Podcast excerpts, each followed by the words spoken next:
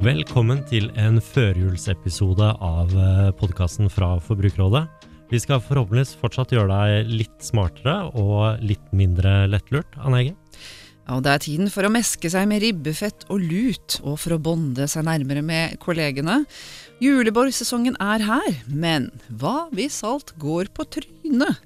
Martin kommer og forteller om du har noe å slå i julebordet med, da. Og apropos ribbefett, eh, Forbrukerrådets handyman kommer og forteller oss hvordan man fjerner det fra kjøkkenvifta si. Vi er Bjørnar Angel og Ann Hege Skogli. Og Bjørnar, jeg foreslår at du spiser pepperkaker mens du ennå kan. For det er ikke sikkert at du har så lyst på etter at vi har eh, fortalt om resultatene fra Forbrukerrådets pepperkaketest. Tar en selv også, jeg.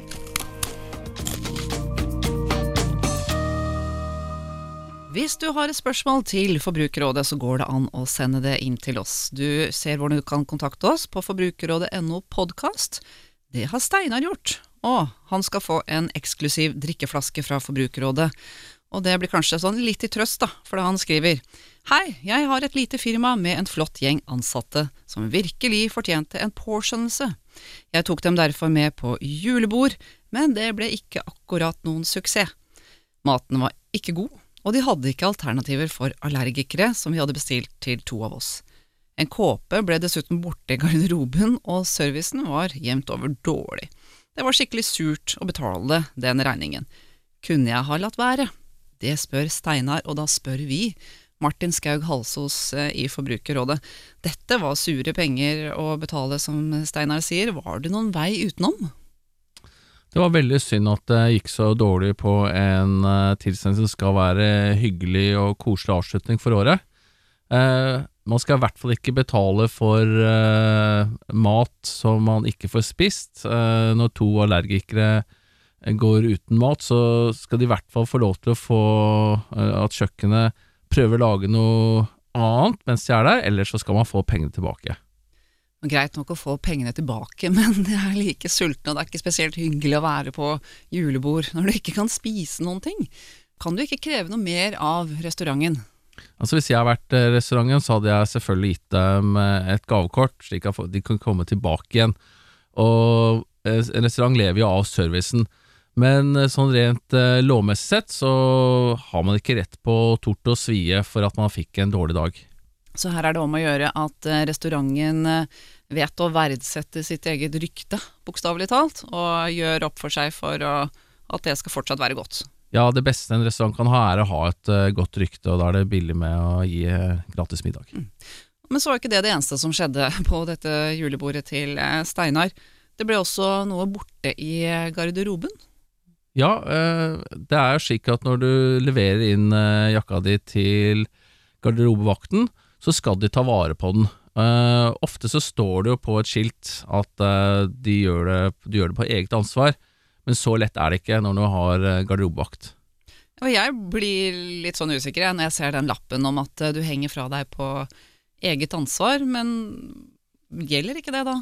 nei, det er egentlig et litt urimelig vilkår, som det heter. Altså, det vil si at er, man kan ikke bare eh, ta imot eh, penger for å passe på jakka di, og så etterpå, hvis det noe skjer, så har man ingen, ikke noe ansvar.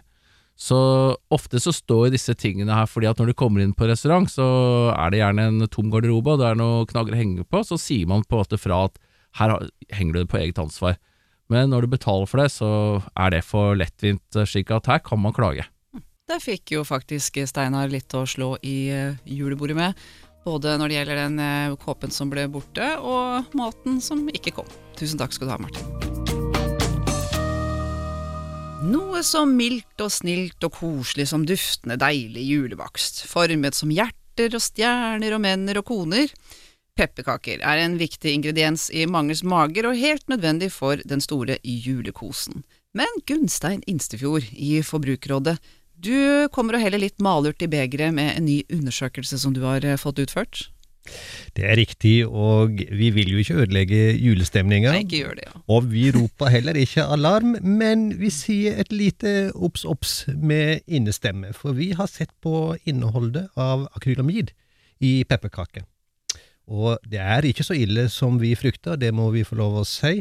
Mm, Og alle de vi testa, de ligger innenfor de såkalte veiledende grenseverdiene for akrylamid i pepperkaker. Men noen typer er faktisk bedre enn andre. Hva er eh, akrylamid? Akry akrylamid er et, et skadelig stoff som utvikles når mat med mye karbohydrater eh, utvikles da, eller utsettes for varme. Da snakker vi om all den gode maten, da, gjør vi ikke det? Ja, vi gjør egentlig det, og mengden akrylamid varierer mye fra ulike matgrupper til andre matgrupper. Forekomsten er nok størst i, i potetprodukter som chips og eh, pommes frites, men vi finner det også i kornbaserte varer, om det så er brød eller kjeks eller småkaker og andre bakevarer. Og kaffe, Og du finner det i kaffe, ikke minst. Det er jo tristest av alt. Hva kan eh, konsekvensene være? Ja, Konsekvensene kan være ganske alvorlige, og eh, akrylamid blir sett på. Altså Den totale mengden akrylamid vi får gjennom mat, blir sett på som en utfordring for eh, folkehelsa. Og det kan, kan da medvirke både til kreft, eh, nedsatt fruktbarhet og også skade på nervesystemet. Og som det meste som er farlig, så er det som regel enda verre for barn. Er det tilfellet her også? Ja, det er, det er nok det. Og det har å gjøre med da eh, barn sin eh, lave kroppsvekt, og at når de da spiser det samme som vi spiser, så får de i forhold til eh, kroppsvekta i seg mer av akrylamiden. Det er mange som går inn for å proppe barn med pepperkaker i desember. De får det på butikken, de får det av naboen, på et dusin juleavslutninger, på SFO. Altså, hvor farlig er dette? Bør vi roe ned eh, pepperkakespisingen litt? Du, eh, det viktige her er det, det totale inntaket av altså akrylamid som, som, som er viktig. Og det, utfordringen er at vi får akrylamid da, gjennom en rekke ulike matvarer. Det er det som, som, er, er utfordringen, og som er problemet. Men jeg vil si det på den måten, altså er du glad i, i chips? Er du en stor spiser, av chips? Og du er glad i pommes frites? Og du er glad ikke minst pepperkaker og kaffe?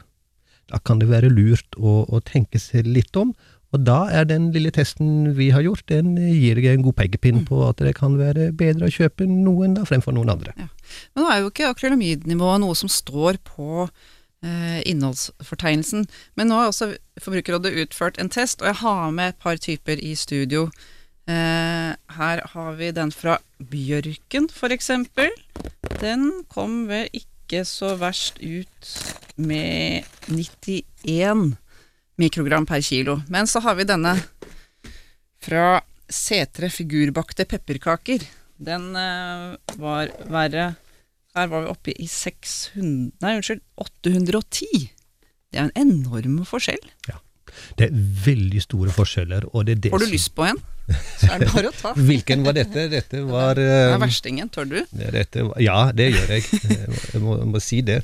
Men, men det interessante med vår, vår studie er jo at de fant så store forskjeller. For det, det pågår nå en, en, en prosess da, i EU på hvor man skal hvor diskutere om, om, om skal vi ha strengere regler her på hvor mye akrylamid vi tillater i mat.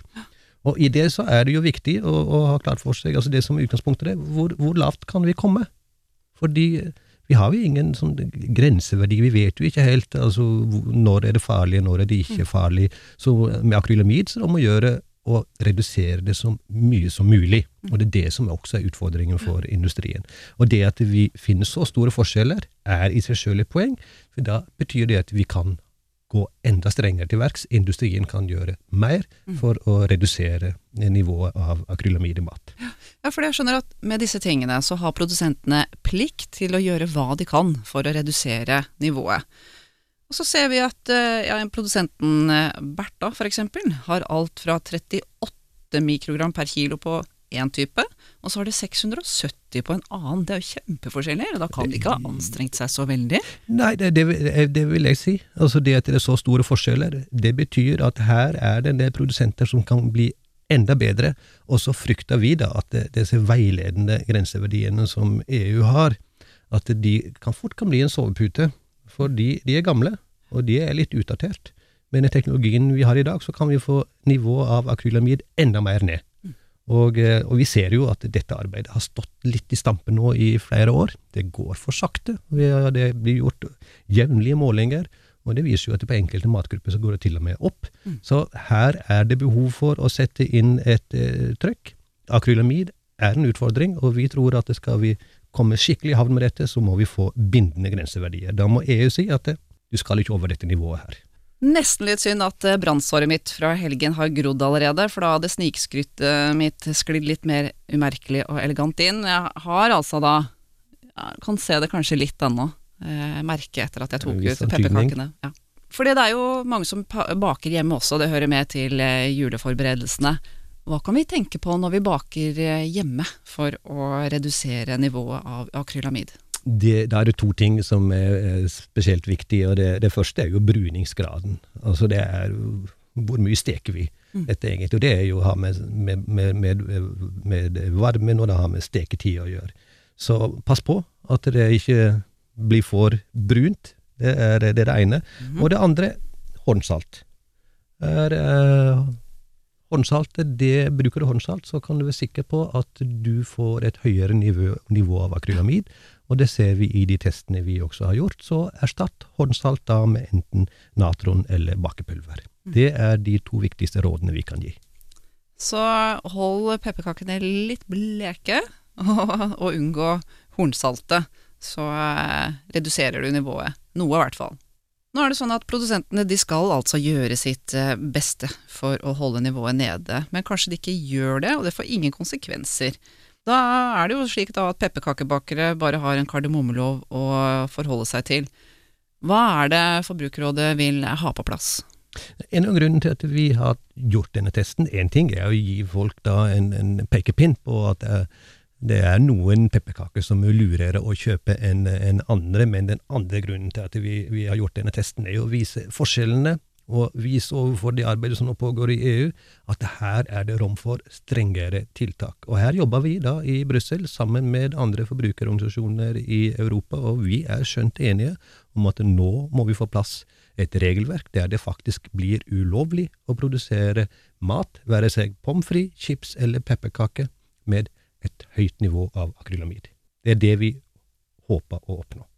Inntil da så er det altså opp til oss forbrukere å tenke oss om før vi går til innkjøp av pepperkaker. Gå på forbrukerrådet.no, der kan du se hvilke pepperkaker du bør velge. Gunstein, du fikk den, eh, en av de verste typene først. Nå skal du få en med Var det bare 80 sånne mikrogram per kilo? Tør du å ta den, eller? Absolutt. Den kan vi ta flere av, da. Du, når du først begynner på pepperkaker, så er det jo fort gjort at du spiser flere. Ikke sant? Det kan vi gjøre nå.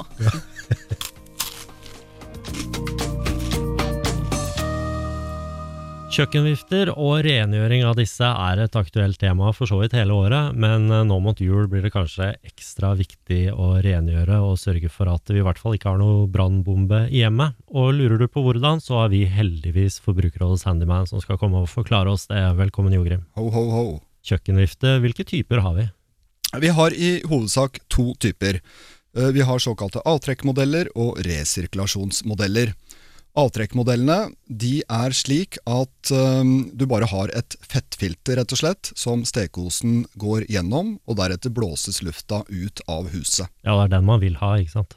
Det er nok de som fungerer best, det er det ingen tvil om. Men så er det jo slik da at i veldig mange borettslag og sameier så er det ikke lov med, med fullt avtrekk ut, og dermed så har man også resirkulasjonsmodeller. Og der eh, kjøres matosen først gjennom dette samme fettfilteret, men så kjøres det deretter gjennom et kullfilter, ofte også kalt luktfilter, før lufta da slippes ut i rommet igjen. da. La oss ta dette fettfilteret. Hvordan skal vi rengjøre det? Jo, det er flere årsaker til at eh, vi rengjør dem, men den aller viktigste uten sammenligning er dette her med brannfare. Fett, det vet vi jo de fleste av oss, det brenner veldig godt. Og når fettfilteret blir fullt, så risikerer du til slutt at det begynner å dryppe fett. Og hvis du da har en skikkelig varm stekeplate som dette fettet drypper ned på, da risikerer du brann. Og hvis det da begynner å brenne, og ventilatoren er full av fett, så blir hele greia en skikkelig brannbombe, potensielt.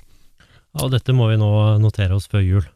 Det er veldig viktig å notere før jul, og så kan jeg jo si det også at du får en bonuseffekt da, ved å rengjøre uh, fettfilteret, fordi at vifta vil gi et bedre trekk etterpå, rett og slett, så du får bedre effekt også.